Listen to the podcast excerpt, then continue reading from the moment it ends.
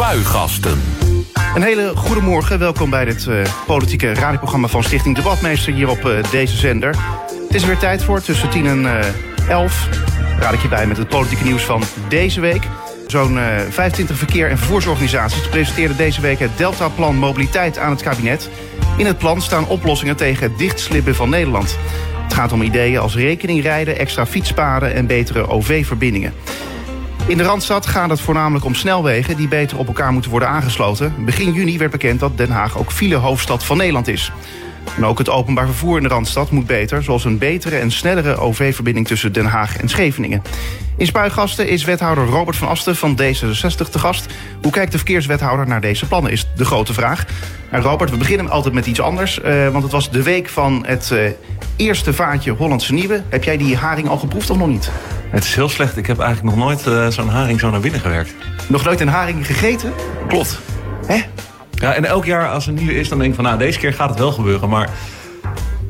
Ook dit jaar is het tot nu toe niet gebeurd. Maar goed, het is nog vroeg in het seizoen. En waar heeft dat dan mee te maken? Denk je dat je er misschien niet van houdt of zo? Ja, ik denk het. Ja. het is, ik heb ooit op een Grieks eiland een keer een octopus uh, gegeten. Toen dacht ik, dat kan ik wel aan. En toen ben ik teruggeworpen naar niveau visstick. Nou, inmiddels is dat wel weer wat beter. Maar de haring is nog een, een, een stap uit buiten bereik. Oké. Okay. Nou, bijzonder. Uh, weer een uh, mooie ontboezeming. daar gaan we het verder niet over hebben. We gaan het straks natuurlijk dus hebben over het Deltaplan Mobiliteit. En waar we nog meer over gaan hebben... de Haagse gemeenteraadscommissie sprak deze week over het nut van de publieke dialogen die de gemeente in Duindorp voert. De gesprekken moeten in kaart brengen of er sprake is van discriminatie in de wijk. De Haagse Stadspartij, NIDA en de PvdA, maar ook GroenLinks en D66... die gaven vorig jaar de opdracht aan het college tot een onderzoek naar racisme. Het onderzoek naar racisme deed veel stof opwaaien. In Spuigasten spreken fractievoorzitter Hanneke van der Werf van D66... en de fractievertegenwoordiger van het NIDA, Jim Yilmaz... over het nut van politieke dialogen in deze wijk. Dat dus straks in Spuigasten, maar eerst even een overzicht... van de politieke ontwikkelingen van deze week. Het politieke weekoverzicht. En dan beginnen we bij... Maandag 10 juni. Staatssecretaris Snel van Financiën komt verder in het nauw... door de problemen met de ten onrechte gestopte kinderopvangtoeslag. Dat meldde Trouw en RTL Nieuws. Vijf jaar geleden werd die toeslag voor honderden ouders stopgezet en teruggevorderd waardoor veel gezinnen en sommige opvangorganisaties in de problemen kwamen. Een oplossing is er nog altijd niet. En Robert van Asten, dit nieuws nog een beetje gevolgd, want het was wel natuurlijk Pinksteren. Het was inderdaad wel Pinksteren, ja, dat is... Uh, natuurlijk weer, weer iets wat bij de Belastingdienst uh, lijkt te spelen. Het is zo ongelooflijk complex, al dat systeem van toeslagen, et cetera. Ja, ik geef het je te doen om uh, dit goed, goed te regelen. Ja, er werd al gezegd dat staatssecretaris Snel... Ja, dat, dat de, de vraag eigenlijk is bij heel veel politieke partijen... kan hij deze oplossingen, kan hij dit, dit probleem wel oplossen eigenlijk? Uh, staatssecretaris Snel is een, is een hele slimme, pintere man. Ja. Dus ik heb er alle vertrouwen in dat hij uh, dit varkentje gaat wassen. Ja. Maar snap je wel dat, dat men heel bezorgd is vanuit de Tweede Kamer? Ja, dat snap ik. In dat opzicht heeft de Belastingdienst uh, geen goede track record. Uh, en denk ik dat we daar nog echt heel erg hard aan moeten werken... om te zorgen dat dat systeem een keer goed werkt. Maar misschien zijn er ook andere keuzes voor nodig... om dat hele belastingstelsel eens een keer wat eenvoudiger te maken. Want het continu rond blijven pompen van belasting naar heffing naar toeslagen... daar kan niemand meer wijs uit. En blijkbaar de Belastingdienst zelf heeft daar ook moeite mee. Ja, nou, het is aan het kabinet, dus ook aan D66 om dat probleem op te lossen. Ik zal het eens, eens voorleggen. Ja. Dinsdag 11 juni. Op zes Nederlandse stations, waaronder drie, uh, die van de vier grote steden, wordt in totaal uh, eenmalig 3,5 miljoen euro geïnvesteerd om de veiligheid te verbeteren. De antiterreurmaatregelen zijn bedoeld om de veiligheid up-to-date te houden, zegt de NCTV. Uh, wordt dat dan aan, aan jou als verkeerswethouder dan nog ja, eigenlijk medegedeeld? Of, of... Nou, op het moment dat er een, een fysieke ingreep zal plaatsvinden, uh, dan hebben we overleg. Dat gaat bijvoorbeeld over, de, over het plaatsen van de poortjes. Uh, ja, daar zijn we wel uh, in gesprek over van waar moeten ze komen... zodat je die stroom die door een station heen gaat niet belemmert. Ja. Maar heel blij dat er veel aandacht is voor die veiligheid op stations. Dat is natuurlijk een plek waar zoveel mensen bij inkomen. Ja, want is het eigenlijk wel iets van waarmee je als gemeente te maken hebt? Want het station is van de NS... Uh, het spoor van ProRail, wat heeft de gemeente daar eigenlijk nou mee te maken? Ja, nou hier is dus waar alle belangen uh, samenkomen. Het zijn natuurlijk uh, tienduizenden Hagenaars en werknemers die, die over die stations gaan elke dag. Ja. op het moment dat daar iets misgaat, reken maar dat de gemeente daar ook voor aan de lat staat om daar een oplossing voor te vinden. Woensdag 12 juni. Het dagelijks bestuur van de Tweede Kamer heeft ex-D66-leider Alexander Pechtold gevraagd de renovatie van het Binnenhof te begeleiden.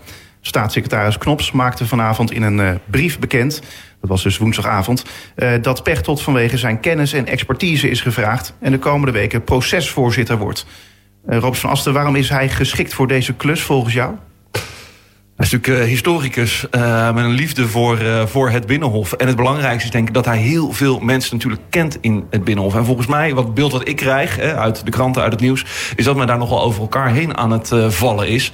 Over wat er nou precies moet gebeuren. Dus ik denk dat Alexander daar een mooie rol in kan spelen als bemiddelaar... om te zorgen dat alle neus weer de juiste kant op gaan staan. En dat men dus een echte beslissing kan nemen over hoe dat Binnenhof verbouwd moet worden. Is hij zo'n bemiddelaar? Zeker, ja, zo ken ik hem wel. Kan, kan hij verbinden?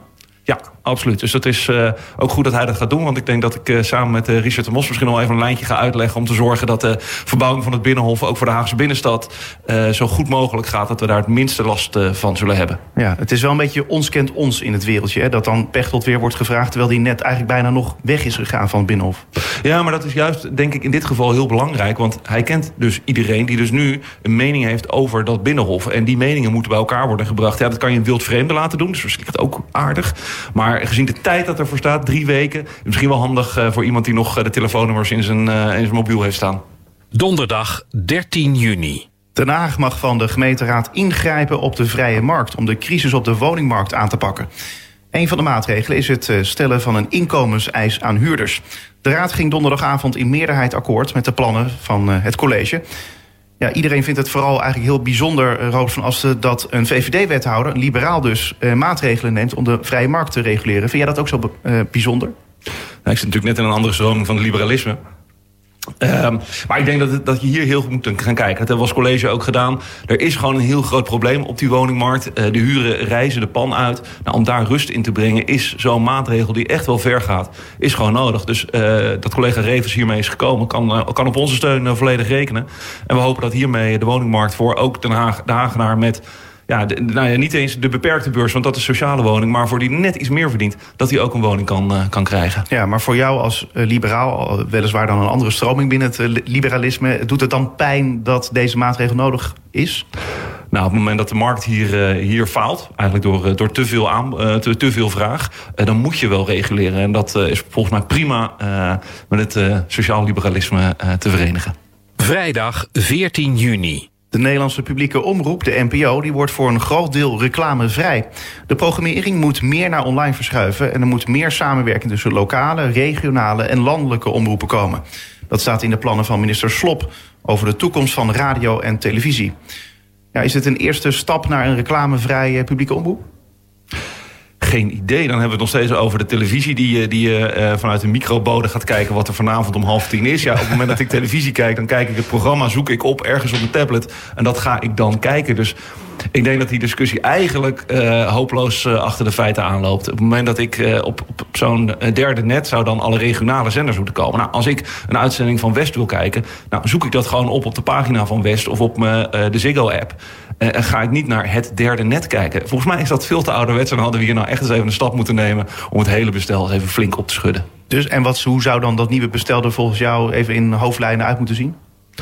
Nou, volgens mij gaan we dan veel meer televisie maken voor uh, online, uh, online kanalen.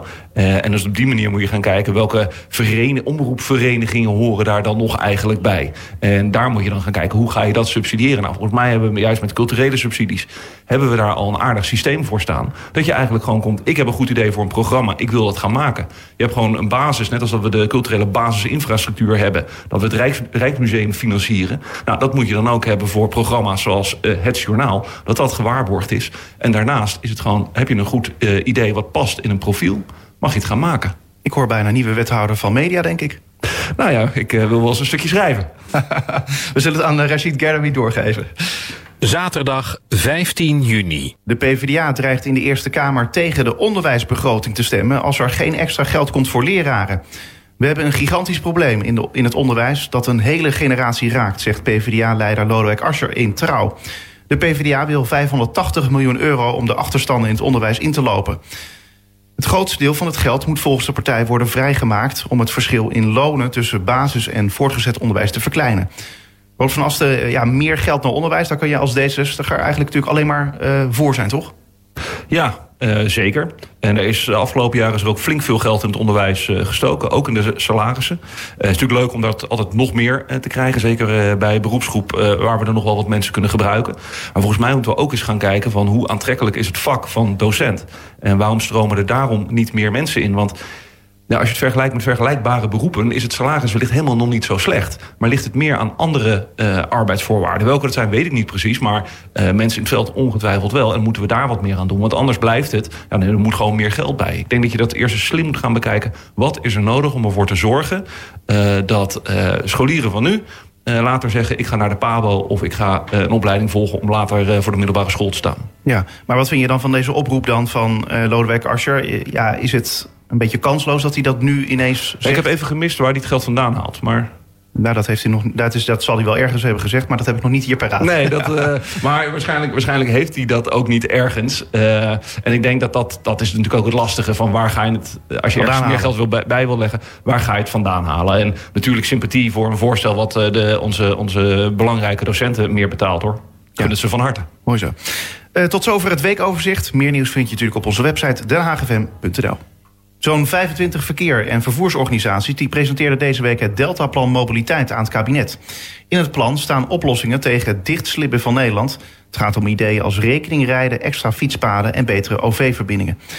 De gast is uh, verkeerswethouder Robert van Asten van D66. Uh, eh, Robert, ja, is dit plan de oplossing voor het mobiliteitsprobleem van Nederland? Uh, ja, het is in ieder geval echt de, de belangrijkste stap de goede richting. En het vraagt uh, om forse investeringen in, uh, in mobiliteit. Uh, en op, of het nou de fiets is of het OV is... of toch ergens een betere autoverbinding. maar er moet iets gebeuren. Er moet echt structureel geld bij. Ja, maar het probleem is dat het is een heel groot plan... en er is heel veel geld mee gemoeid ja, dat moet, geld moet ergens vandaan komen. Dat geld is er namelijk helemaal niet. Ja, klopt. Uh, tegelijkertijd worden we door het, uh, laatst nog door het IMF uh, eigenlijk op de vingers getikt... dat Nederland eens een keer geld moet gaan uitgeven, moet gaan investeren. Nou, waar kan je beter in investeren uh, dan in de infrastructuur van je land. Om te zorgen dat die economie, dat die bereikbaarheid ook voor de komende decennia weer gewaarborgd is. Nu is de Rijkswaterstaat gaat beginnen met wat zij noemen de grootste opgave ooit. En dat is eigenlijk om al die bruggen en wegdelen uit de jaren 50, 60, om die te gaan vervangen. Alle viaducten, alle bruggen moeten eraan. Ja, pak die opgave dan gelijk op om echte oplossingen erbij te verzinnen. Ja, dat betekent dat eigenlijk Nederland en dus ook Den Haag of in elk geval eh, onze regio, eh, gaat flink ook op de schop. Ja, zeker. Uh, dat is hard nodig. En dat geeft ook gelijk de kans. Want dan gaan we overlast van ervaren. Als men natuurlijk op de A4 gaat werken. Dan, nou, dat hebben we toch al hoor. Uh, nou ja, dat heb ik dus laatst uh, met mijn uh, mobiliteitstransitiebrief heb ik toen gelanceerd. Ook met de ANWB, de HTM en VNO-NCW. Waar ik toch wel de noodklok luidde over ja, de dichtslippende stad. We krijgen nog 100.000 mensen krijgen we erbij. Het wordt overal om ons heen wordt drukker. Er meer dan 250.000 woningen in de zuidelijke Randstad. Dus gewoon Zuid-Holland erbij. Als die mensen allemaal in de auto gaan, ja, dan kan je je voorstellen dat je al helemaal niet meer vooruit komt. En die bereikbaarheid van de stad is zo ongelooflijk belangrijk. Ja, die moeten met het, maar met het openbaar vervoer, althans vooral met nou, dus de kleine stukjes in de stad, dat is sowieso al iets waar jij voor pleit. Uh, in dat Deltaplan staat dat het uh, openbaar vervoer in de Randstad echt beter moet. Zoals een betere en snellere OV-verbinding tussen Den Haag en Scheveningen. Dan denk, denk, ik, je hebt toch al tram 1, je hebt tram 9, je hebt tram 11. Die gaan allemaal naar Scheveningen. Ja, klopt. Uh, nou, wat, wat in dat Deltaplan terecht is gekomen... is natuurlijk ook via de HTM daarin gekomen. En met de HTM werken wij weer samen over onze schaalsprong OV. Dus de verbinding tussen de Binkhorst Centraal Station en Scheveningen... en tussen de binnenstad en Zuidwest. eigenlijk onze metroplannen daarbij. Uh, daar zit die lijn ook. En wat wij nou willen is dat eigenlijk van het Centraal Station tussenstop op Madurodam, waar we nog een mobiliteitshub willen hebben... en dan in één keer door naar Scheveningen. Dus gewoon in twee haltes ben je binnen 10 minuten ben je op Scheveningen. Dat moet ervoor zorgen dat al die mensen die nu zeggen... dagje strand, leuk Scheveningen, weet je wat... ik parkeer mijn auto wel op de boulevard... en als het daar niet lukt ga ik wel ongelooflijk veel rondjes rijden... dat die het openbaar vervoer ingaan... omdat dat gewoon veel sneller en makkelijker is. Daar moet je wel voor investeren in eerst meer rails en meer mogelijkheden... om dat aantrekkelijker te maken. Ja, en je moet dus uh, onder de grond je moet, een vrij, je, moet, je moet in ieder geval zorgen dat je een vrijliggende baan hebt. Want alleen als je een vrijliggende baan hebt, kan je die snelheid creëren. Ja, maar jij uh, weet het, liefste, het liefste is dat natuurlijk onder de grond. Maar dan krijg je weer de middelendiscussie. Want dit, deze investering vraagt 3 miljard per jaar. Dan ben je voor het hele land ben je eigenlijk voorzien. maar 3 miljard per jaar moeten dan maar wel komen. En tot aan 2030 heeft deze Deltaplan gaat tot 2030. Ik denk dat we iets langer nodig hebben. Maar ehm, nu hebben we het probleem al. Dus we zullen nu ook al investeringen moeten doen. En dat gaan we gelukkig als gemeente Den Haag gaan we dat ook al doen. Ja, maar ik zit al een beetje te kijken naar waar er dan nog plek is hier in Den Haag... om zo'n lijn aan te leggen, bijvoorbeeld naar Scheveningen, zo'n extra lijn. Ja, hoe, ik zie, de, ik zie de ruimte niet. Als je een nieuwe lijn aanlegt, dan zou dat echt betekenen dat je, dat je onder de grond toe moet. Uh, we hebben al wel gekeken dat je op de huidige uh, trambaan, dat je daar ook met investeringen kan je zorgen dat je daar ook wat meer de, uh, de kruisingen veiliger maakt. Zodat die tram ook met hoge snelheid over een kruising heen kan gaan. Ja. Alleen dan krijg je weer gelijk wat een van de pijlers is onder die mobiliteitstransitiebrief. Het moet veiliger in Den Haag. En nou, op weg hier naartoe op de fiets werd ik nog bijna uh, geschept op uh, de Zeuvensprong. Vanwege een rechtsafslaand uh, vrachtwagentje. nou, gelukkig had ik ongeveer vanwege zijn rijgedrag wel ingeschat... dat hij mij volledig zou gaan snijden. Dus ik kon op tijd in de remmen. Maar ja, hoe drukker het gaat worden met hoe meer verkeer erin gaat komen... krijgen we alleen maar meer kans op ongelukken. En het aantal ongelukken stijgt al. Dus ja. het is echt broodnodig dat we hier flink gaan investeren. En dan denk ik van, ook als je kijkt naar andere grote steden... Uh, nou in, in Amsterdam is er gelukkig nu wel een Noord-Zuid-lijn inmiddels.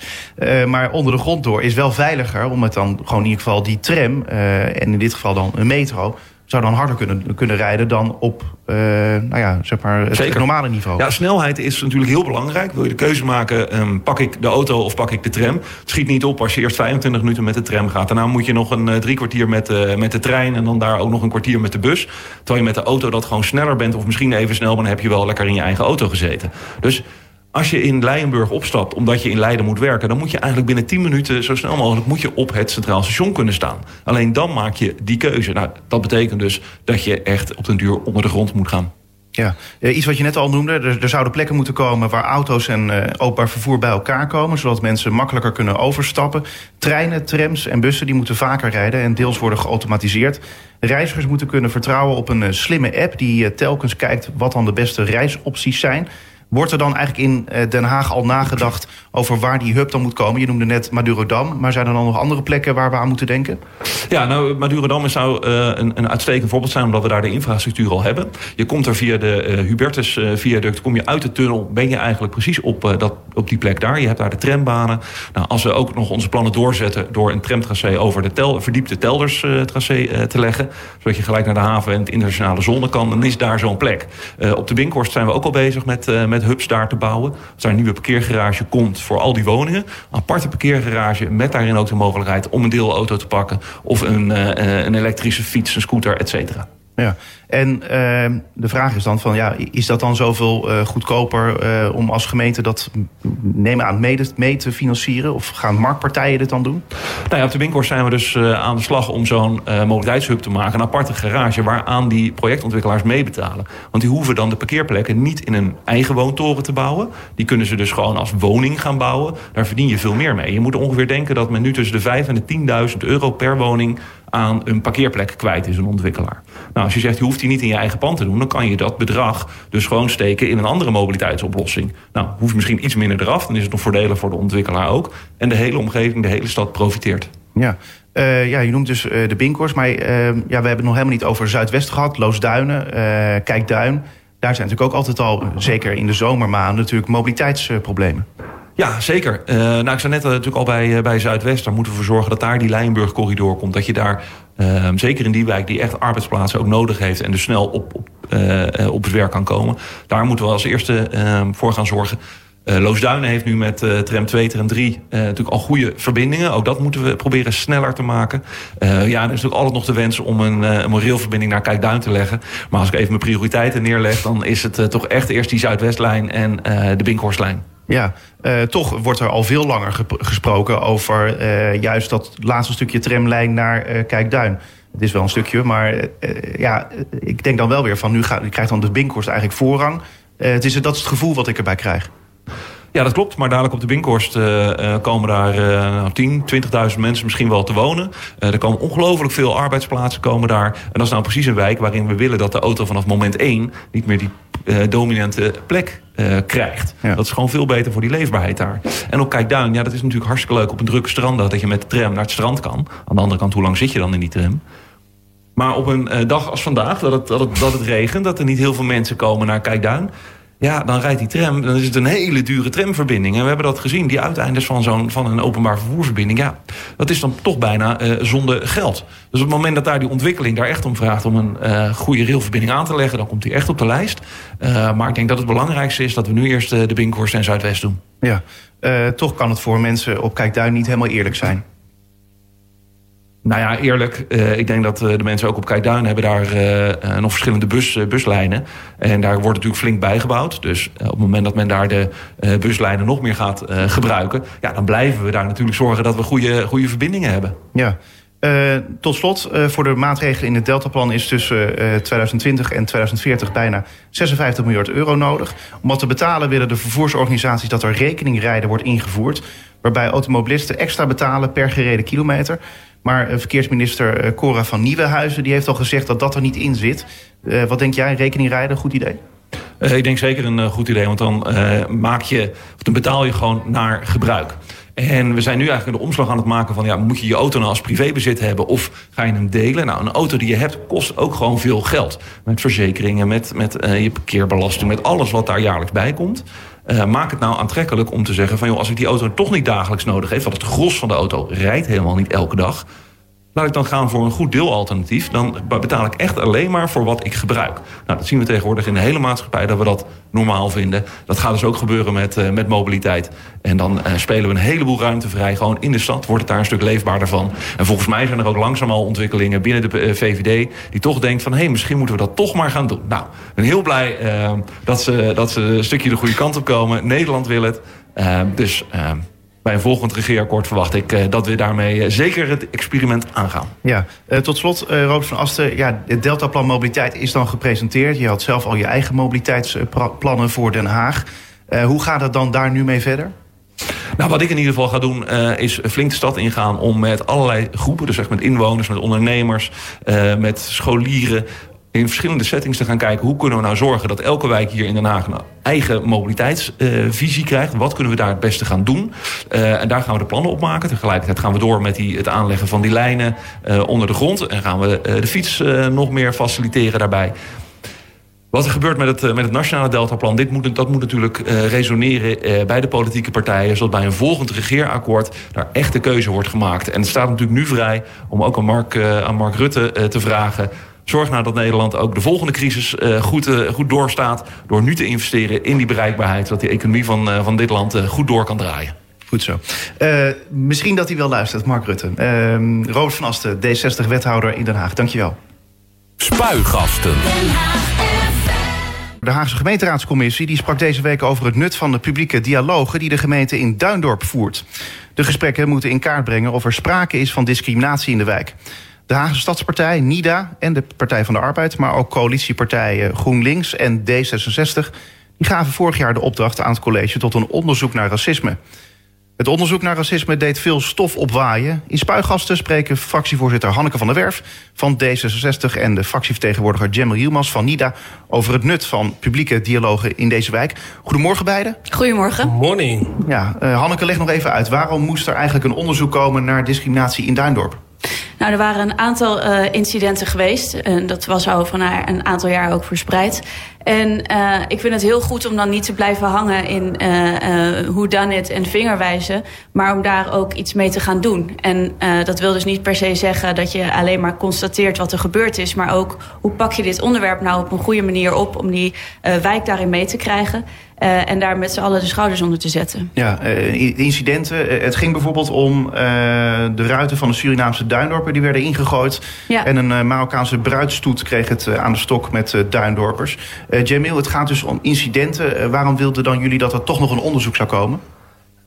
ja, kijk, voor ons is het... het wordt elke keer afgedaan als incident. En wat we hebben gezien is dat in ieder geval in 2018, dus vorig jaar... meerdere gebeurtenissen zijn uh, gebeurd... Uh, waarbij het motief mogelijk ook rondom racisme, discriminatie lag. nu wordt ontzettend veel gezegd over Duindorp... en er is ontzettend veel discussie... over nou, is het nou incidenteel of zit er een patroon of is het structureel... En vandaar dat er ook een moties ingediend is van laten we eens wegblijven bij die onderbuikgevoelens. En de mensen uh, uithoren van hoe beleven ze het zelf. En uh, nou, En nou, het heeft nu negen maanden geduurd voordat er überhaupt een tussenbericht kwam. En ja, daar waren wij als partij niet helemaal blij mee toen we het tussenbericht lazen. Ja, want? Nou ja, kijk, wij hebben uh, gesproken met uh, verschillende mensen... die slachtoffer zijn uh, geweest van verschillende gebeurtenissen. Dus in Duindorp, of dat nou de Surinaams-Nederlandse dame is...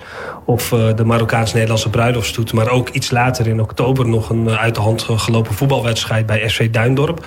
En het verhaal wat daar heel erg naar voren kwam... is elke keer dat mensen niet hun... soms geen eens aangifte durven te doen in ieder geval niet met media of met politiek echt uh, durven uh, te, te, praten. En dat er toch een bepaalde angstcultuur heerst om hun verhaal uh, te doen. Nou, ik ben blij dat ze mij in vertrouwen hebben genomen. En wat, ik dan, wat dan opvallend is, dat er als middel... en ik zeg niet dat dialoog geen goed middel is. Ik denk dat een dialoog een ontzettend effectief middel is... om mensen met elkaar in contact te brengen. Maar een publiek dialoog, dialoog organiseren rondom zo'n gevoelige thema... om dan te achterhalen wat er aan de hand is in zo'n wijk... waar al ja, toch een beetje een zwijg- en angstcultuur heerst. Ja, daaraan waren wij best wel verbolgen over. En nou, gelukkig heeft de wethouder opgeklaard dat er ook anoniem, maar oh, diepte-interviews uh, één op één met uh, mensen gaan uh, volgen. Ja, Hanneke, ik denk altijd, als er een publieke dialoog ontstaat, dan kan het toch juist ervoor zorgen dat je een onderwerp echt bespreekbaar maakt. Dus dat is goed, toch? Ja, zeker. Ik was eigenlijk ook wel blij mee dat we niet alleen maar een onderzoek gaan doen en terugkijken, maar ook vooruitkijken. Uh, en hoe ga je hier nou uh, met elkaar in gesprek over blijven? Want je ziet dat deze discussie heel snel polariseert. Dat er eigenlijk een soort van twee kampen ontstaan. Die zeggen wel eens niet en die voor of tegen Duindorp zijn. Wat natuurlijk een, een belachelijke tegenstelling is. en ik denk dat je juist eens even moet kijken naar waarom zegt die ander nou dat het niet zo is? Waarom denken we daar verschillend over? En ik denk dat als je iets vaker naar elkaar luistert... In plaats van alleen maar je eigen uh, verhaal over het voetlicht brengt, dat je daardoor juist uh, wellicht wat meer begrip voor elkaar kunt krijgen. Ja, maar laten we dan ook bijvoorbeeld luisteren naar een partij als Hart voor Den Haag, Groep de Mos. die zegt dat het stigmatiserend is voor Duindorp en onnodig kwetsend. En de partij zegt dat er geen signalen zijn dat er structureel wordt gediscrimineerd. maar jullie hebben dus die signalen wel. Jij ook, Hanneke?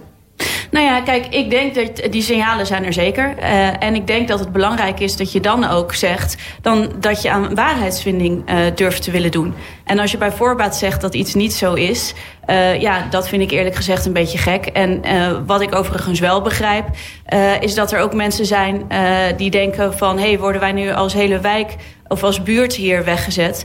Uh, en dat, laat dat duidelijk zijn, dat is natuurlijk niet de bedoeling. Het nee, is niet de bedoeling, maar, maar het kan wel het gevoel zijn bij die nou, mensen. Het is de toon wat de muziek maakt, denk ik. En ik denk dat je als partijen uh, heel erg voorzichtig moet zijn... met de vinger wijzen naar mensen die je niet kent.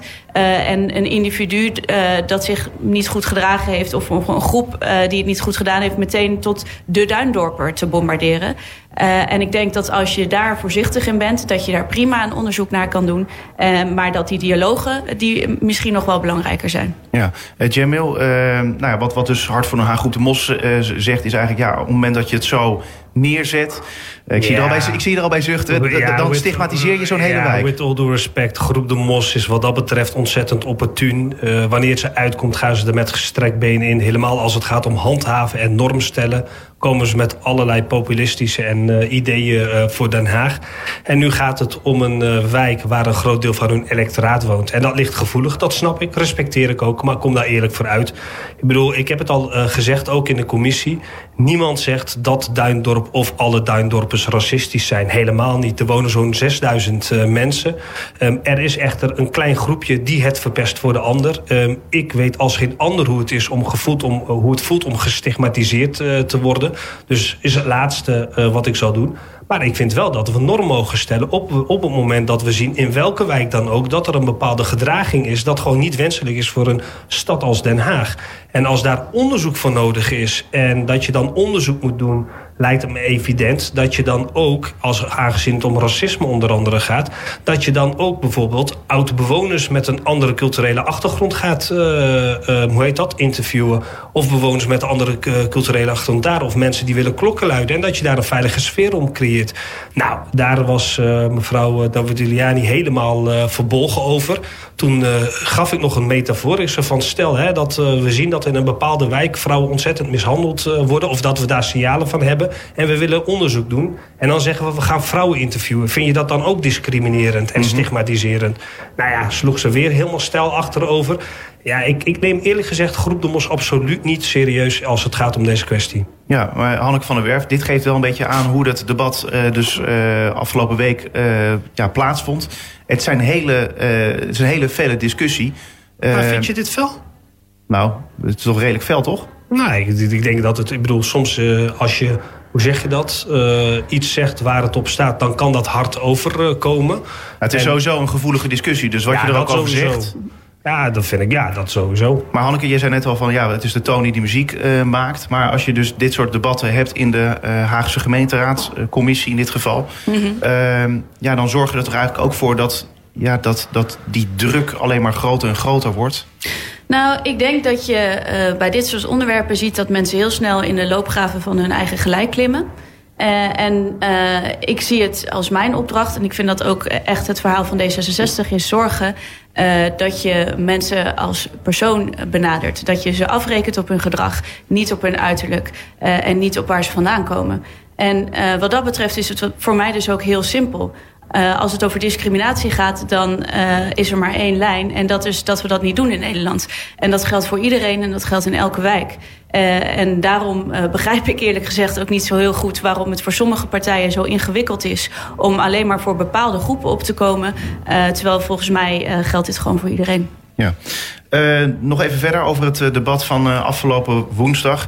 Jamil, ja, waarom heb je nou eigenlijk weinig vertrouwen in die publieke dialoog? Want ja, het is toch zo dat als je een, een, een, dialoog aangaat... dan kom je toch nader tot elkaar? Ja, maar dat dan betekent, kijk, het beoogd doel is om de veiligheids- en leefbelevenis van, vanuit de wijk op te halen. En waar racisme en discriminatie een belangrijk onderdeel van is als onderwerp. Een dialoog of een dialoogbijeenkomst, ik denk dat dat ontzettend effectief zou kunnen zijn op het moment dat je groepen bij elkaar wil brengen, het gesprek wil voeren. Maar als het enkel het dialoog zou zijn, dan zou ik daar persoonlijk niet tevreden zijn. Omdat ik weet vanwege het gevoeligheid van het onderwerp dat er ook te veel angst heerst. Waardoor heel veel mensen die een verhaal hebben en die waardevol voor het eh, onderzoek zouden kunnen, uh, zou kunnen zijn, dat die daar niet naartoe zouden gaan. En vandaar dat wij zeiden van, maar wacht eens even. Uh, als het gaat om zo'n soort onderzoek... komen er ook gewoon van die kwalitatieve diepte-interviews... die je anoniem in een veilige setting kan doen... zonder angst, of dat nou terecht of onterecht is... er is gewoon angst, dat is een realiteit... Uh, zonder dat je dan angstig hoeft te zijn voor je fysieke dan wel emotionele uh, veiligheid. Ja, maar bij die diepte-interviews, waar zoom je dan op in? Je, zoom je dan in op uh, de mensen die, die, discrimineren of juist die gediscrimineerd worden? Nee, ik denk dat ik denk, dat dat allemaal is. Kijk, op ik ben zelf sociaal psycholoog, dus ik ben onderzoeker. Het is heel raar als je een breed onderzoek uitvoert... dat je dan één kant van het verhaal zou willen horen. Maar ik denk, gezien het onderwerp, denk dat het wel interessant is... om met autobewoners te praten. bewoners die daar slachtoffer zijn geweest. Mogelijk de daders. Maar denk ook bijvoorbeeld aan klokkenluiders... die best wel een verhaal willen doen... maar niet per se in het openbaar. En dat je ook de huidige bewoners ook daarin betrekt. Dus het is gewoon... Kijk, het is een gelaagd onderwerp. Dus dat betekent ook dat je het op een gelaagde manier methodisch moet aanpakken. En in dat tussenbericht stond die gelaagdheid er absoluut niet in. Waardoor, uh, waardoor we het hadden geagendeerd uh, in de commissie. Ja, Hanneke, kijk jij in die zin heel anders tegenaan dan Jamil? Zou jij ook, zou jij wel of niet die diepte-interviews willen toevoegen eraan? Nou, um, eerlijk gezegd, ik heb er nog niet heel veel conclusies over getrokken... omdat dit nog niet het eindrapport is. En ik denk dat we dan ook kunnen kijken of, of dit op een goede manier gedaan is... Maar ik was er eerlijk gezegd zelf wel blij mee dat we niet alleen maar gesprekken voeren, maar ook met de bewoners in discussie gaan. Uh, ook omdat ik denk, kijk, uh, dit is natuurlijk niet een onderwerp dat alleen uh, of sinds een paar incidenten vorig jaar speelde. Ik ben in 2008 in Den Haag komen wonen en er zijn natuurlijk wel meer dingen gebeurd. Dus ik denk dat het heel erg belangrijk is dat je met een hoop mensen daar spreekt. En dat het dus vooral niet alleen maar om de zogenaamde rotte appels gaat, dat die continu in de spotlight staan. En ik denk dat er heel veel mensen wonen die zich helemaal niet met dit gedrag verbonden voelen, maar zich wel elke keer aangesproken weten. En dat is natuurlijk een dynamiek waar je uit moet. Uh, en daarom denk ik dat het heel goed is om dit soort onderwerpen eens op tafel te leggen. Um, en um, van dit gesprek niet alleen maar een soort van uh, continue wederzijdse beschuldiging te maken, maar uh, ook eens een uitnodiging om die kwetsbaarheid die het met zich meebrengt op tafel te leggen. Ja, ik denk dan wel weer van ja, die rotte appels, vind ze maar eens, toch? Nou, ik denk uh, dat er een hoop inwoners zijn in Duindorp die prima weten waar dit speelt. Ik denk ook dat er een aantal goede wijkagenten zijn uh, die hun pappenheimers wel kennen. Dus ik ben daar eerlijk gezegd niet zo bang voor. Nee, maar goed, dan moet je wel nog ervoor zorgen dat die mensen ook daadwerkelijk in gesprek gaan. Nou, uh, sterker nog, ik denk dat als je weet wie hierbij betrokken zijn... en dat als duidelijk is uh, wie er daders zijn en slachtoffers... dat je daar ook gewoon heel hard op in moet grijpen. Laten we wel wezen, het gaat, we gaan hier niet alleen maar soort theekransjes organiseren... met mensen die niet van goede wil zijn. Dat, is, dat zou natuurlijk ook een beetje gek zijn. Maar ik wil wel heel duidelijk een onderscheid maken. Uh, en ik denk dat er een hoop mensen zijn die je hierin mee kan krijgen op deze manier. En als je alleen maar uh, een paar gesprekken zou voeren, uh, dan denk ik dat dat jammer zou zijn. Want volgens mij is het vooral belangrijk dat je de grote massa erin meekrijgt om dit samen op te pakken. Ja, Hanneke zegt eigenlijk de, de grote massa meekrijgen. maar zorg er ook voor dat je de daders onderscheidt van de slachtoffers. En pak ook die daders aan. Alleen, Jamil, we zien heel vaak dat mensen die discrimineren uh, waar bijvoorbeeld op sociale media en zo, ja, die komen er gewoon mee weg. Uh, ja, en dat vind ik dus het, uh, het, sowieso. Het is een van de moeilijkste gronden om bewezen te krijgen. Hè? Eventjes strafrechtelijk gezien, laten we wel wezen. Dus daarom denk ik dat je, je hebt de strafrechtelijke kant van normeren, maar je hebt ook, laten we zeggen, het onderling hoe je met elkaar omgaat. Sociale cohesie, normstelling. En ik denk dat daar echt wel winst in te behalen valt. Want wat je ook zegt, iets prachtigs van Duindorp is wel die onderlinge solidariteit ook. Um, hoe men voor elkaar opkomt, iedereen kent elkaar. Dan is de vraag, hoe ga je dan dat taboesfeertje rondom dit onderwerp doorbreken... en waarbij de overgrote massa die zich nergens schuldig aan maakt gaat zeggen van... hé, hey, dit tolereren wij zelf niet in onze wijk... want dit doet af aan wie wij zijn als Duindorp uh, zijnde. Ik denk dat daar de grootst, nog de grootste uitdaging uh, ligt. Ja, maar jij bent uh, sociaal psycholoog, dus jij ja. weet het vast het antwoord op die vraag. ja, ik heb mogelijke scenario's om het zo te zeggen. Maar ik denk dat dit trouwens voor elke wijk in Den Haag geldt. Ehm, ik, ik had gisteren nog in Laak had ik een akkefietje met wat buurtjongens die uh, daar ongein zaten te trappen. Ik sprak ze erop aan. Nou, dat werd mij echt niet in dank uh, afgenomen. En nou, dan zie je een paar oudere mensen toch angstig daar weglopen. en dan merk ik van, oh ja, maar wacht eens eventjes. Ik kom nu voor u op. Stel dat die jongens tegen mij zouden keren, had ik een groot probleem gehad. En ik zie heel veel mensen ernaar kijken. En ja, dan denk ik bij mezelf van, ja, waarom eigenlijk? Ik bedoel, kijk, Natuurlijk heeft het politie, OM en gemeente een verantwoordelijkheid. Maar ik vind dat we echt veel meer in die onderlinge verbanden moeten gaan uh, investeren. Waarbij we elkaar weer durven aan te spreken op het moment dat wij zien van... hé hey joh, wat doe je nou? En dat hoeft niet gelijk op een agressieve toon, maar van... doe dat gewoon niet of waarom doe je dit nou? En dat mis ik echt momenteel in Den Haag op uh, buurt- en op wijkniveau veel te veel. Ja, ik zie Hanneke knikken. Ja, ik vind het wel een goed punt. En, en eigenlijk is dit exact de reden waarom ik niet zo goed begrijp... dat zoveel politieke partijen aanstoot nemen aan dit onderzoek. Aanstoot nemen aan waarheidsvinding... en aanstoot nemen aan het feit dat je een buitengewoon moeilijk uh, onderwerp op tafel legt. En uh, als je hier al met z'n allen een beetje om de hete brei heen gaat draaien... Uh, dan ga je uiteindelijk ook niet dichter bij elkaar komen. En laat het maar een keer knetteren. Laat die dialogen en die discussies maar fel zijn. Maar ik denk dat het laatste wat je moet doen is dit onderwerp taboe verklaren. Uh, en ik denk dat je dan zeker weet dat je geen stap verder komt. En dat je ook nooit naar het verhaal van een ander gaat luisteren. Nee. we focussen nu natuurlijk heel erg op Duindorp. Maar we gingen net ook heel eventjes kijken naar andere wijken. ik denk dat van, ja, moet je niet breder over de stad kijken... of, het ook, of er ook gevallen zijn van discriminatie in andere delen van de stad, Jamil? Ja, kijk, uh, tijd geleden hebben wij natuurlijk al ontzettend veel kritiek geleverd op het huidige beleid, of het ontbrekend beleid eigenlijk, als het gaat om antidiscriminatie in Den Haag. Dan gaat het niet alleen over de werkwijze of, de huid, of het goed genoeg is wat Den Haag meldt doet. Maar dat er ook echt een gemeentelijke aanpak uh, ontbreekt uh, vanuit onze optiek. Nou, daar komt binnenkort, als het goed is, wat meer uh, licht op. Omdat de integratienota van de wethouder eraan komt. En dit zijn wel onderwerpen die wij ook aankaarten. Ik vind dat je hier in alle wijken blijvend aandacht voor moet hebben. Dus ja, ik kan me daarop aansluiten. Maar wat we niet moeten doen, ik zeg maar wat Stel dat dit in Benoordenhout uh, zou zijn gebeurd. En daar hebben wij mogelijke aanwijzingen... omdat daar een aantal incidenten achter elkaar gebeuren. Waardoor wij denken, is het een patroon, misschien iets structureels.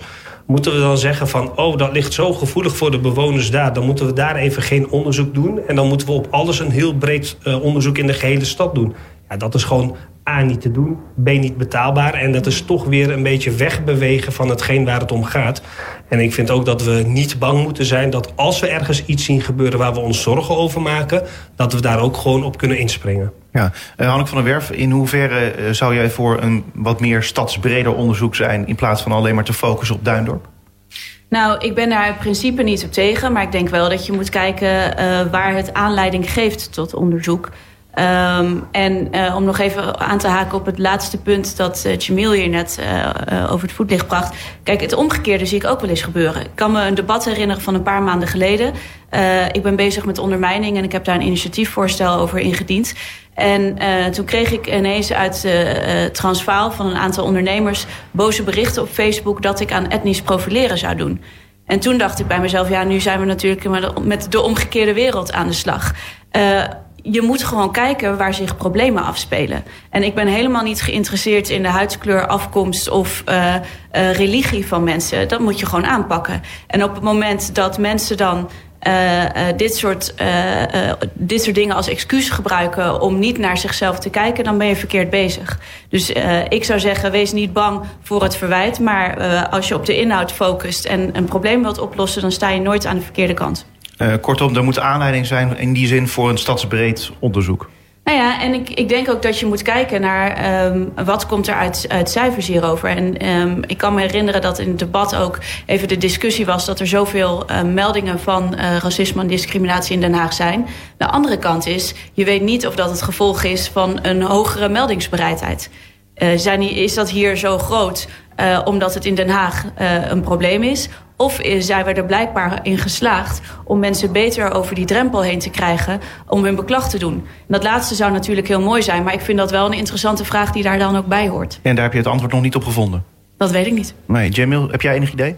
Uh, ja, kijk, uh, die cijfers allereerst was van de hele politieregio. Uh, dus niet enkel gemeente Den Haag. Dus daar zit natuurlijk al een klein beetje, hoe zeg je dat, verwarring in. Ehm, en ten tweede... Uh, dit is een aloude discussie. Maar als je landelijk bekijkt, dan zie je gewoon dat de meldingsbereidheid over het algemeen super, super laag uh, is. Dat geldt ook uh, voor Den Haag. En als, we dat, als hier de bereidheid iets hoger zou zijn dan de rest van Nederland, zou ik alleen maar blij mee zijn natuurlijk. Maar ik denk wel dat dit met name ook een heel belangrijk onderwerp is waar je op moet blijven investeren. Op dat vertrouwen van de burger om überhaupt melding te doen. En ten tweede, ik vind wel, kijk, ik vind wel dat je integraal structureel onderzoek moet blijven doen naar discriminatie stadsbreed. Nou, daar heb je ook verschillende middelen uh, voor. Maar ik denk dat het niet een of-of, maar een en-en uh, uh, discussie is wat dat betreft. En op het moment dat we inderdaad zien dat er in Den Haag ergens iets gebeurt, ja, dan moet je daar gewoon op kunnen inspringen en dat kunnen aanpakken. Ja, het geeft wel iets weg van incidentenpolitiek zo, hè? Hoe bedoel je? Nou ja, als er iets gebeurt, dat je dan daarop uh, duikt. Ja, kijk, ik bedoel, het is tweeledig. Uh, natuurlijk wil je alles uh, voorkomen, maar in een grote stad... laten we ook wel realistisch zijn. Je kan niet alles controleren. Je kan wel heel veel inzetten op preventie natuurlijk, op bewustwording... en met name gedragsverandering. Dat vind ik nog het aller, allermoeilijkst, want we hebben ontzettend veel campagnes op allerlei onderwerpen... Maar als, helemaal als psycholoog zijn, daadwerkelijk komen tot een normverandering en gedragsverandering bij mensen is ontzettend moeilijk. En heb je echt veel meer jaren tijd nodig. En dan helpt ook die politieke actualiteit, soms opportuniteit, heel eerlijk gezegd niet bij. En soms helpt het dan ook niet dat om het vier jaar een andere college is. En voor sommige veranderingen heb je ook acht tot twaalf jaar misschien wel langer nodig. Ja. Dus uh, dat is niet om somber te doen, maar we moeten ook wel realistisch zijn in wat we wel en niet kunnen... en wat we daar ook beloven wat we wel en niet kunnen veranderen. Uh, Hanneke van der Werf, tot slot. Uh, ja, hoe gaat dit verhaal nu verder? Gaan jullie als politiek uh, de vinger aan de pols houden in, in Duinop? Gaan jullie zelf het gesprek aan? Hoe gaat dit verhaal nu verder? Nou, absoluut. Um, ik ben heel erg benieuwd naar de uitkomst hiervan. Want we hebben deze week eigenlijk alleen nog maar over een soort tussenbericht gehad. Um, en ja, ik denk dat we vooral niet bang moeten zijn om dit soort problemen te blijven agenderen. En in een stad waarin heel veel inwoners zoveel verschillende achtergronden hebben, dan zal dit natuurlijk altijd blijven botsen. En ik vind dat er zeker de politiek daar een rol in heeft. en dat je niet bang moet zijn om een gevoelig onderwerp op tafel te leggen en daarmee aan de slag te, gaan. Ja. Hanneke van der Weer van D66 en Jamil Yilmaz van NIDA, dank jullie wel. Dankjewel.